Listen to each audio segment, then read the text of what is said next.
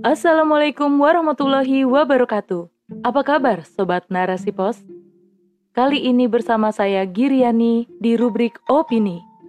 Narasipos.com Cerdas dalam literasi media, bijak menangkap peristiwa kunci.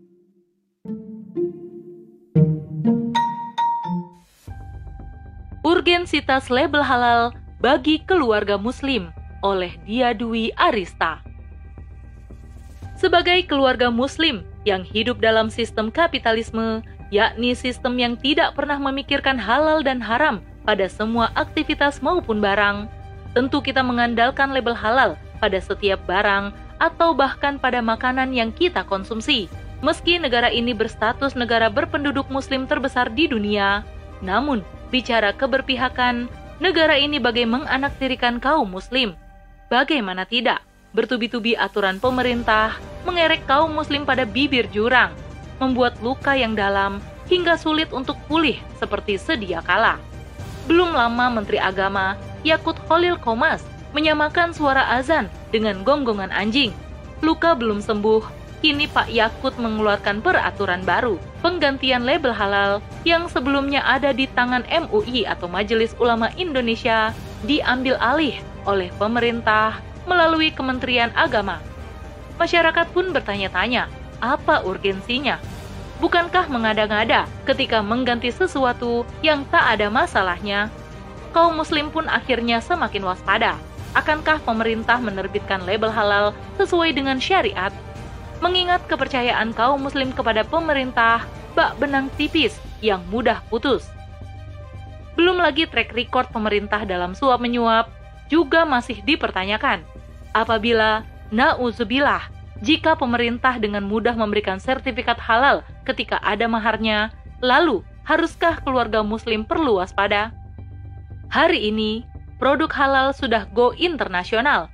Kaum muslim tak hanya bisa menjumpai produk dengan label halal di negara Arab saja, namun di negara yang mayoritas non-muslim pun menyertakan logo halal dalam kemasan makanan yang halal.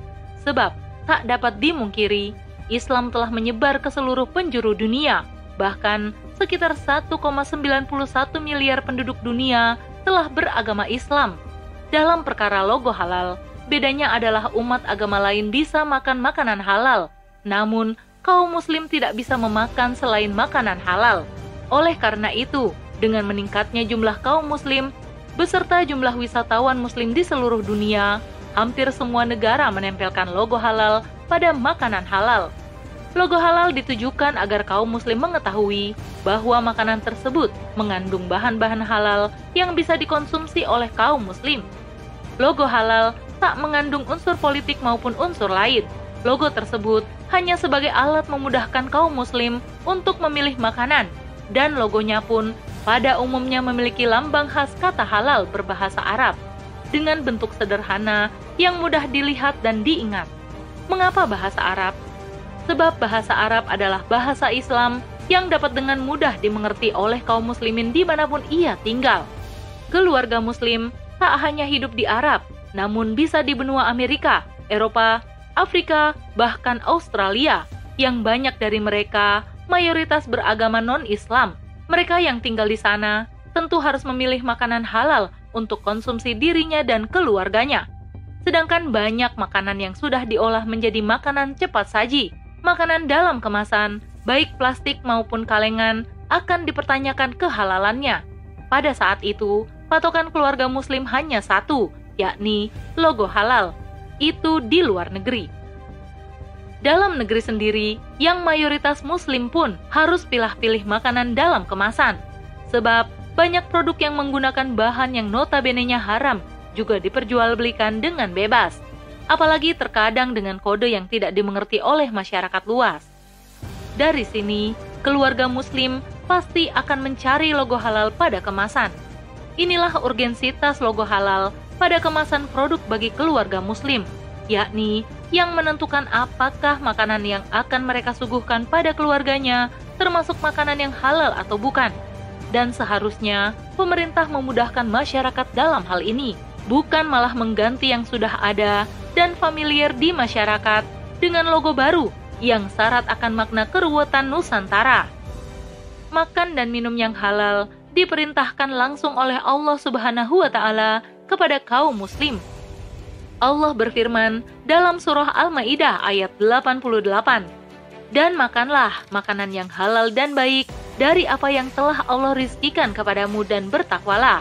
Begitu pula dalam surah Al-Baqarah ayat 168, Allah Subhanahu wa taala juga memerintahkan kaum muslim untuk memakan makanan yang halal dan tak mengikuti langkah setan yang selalu menyesatkan.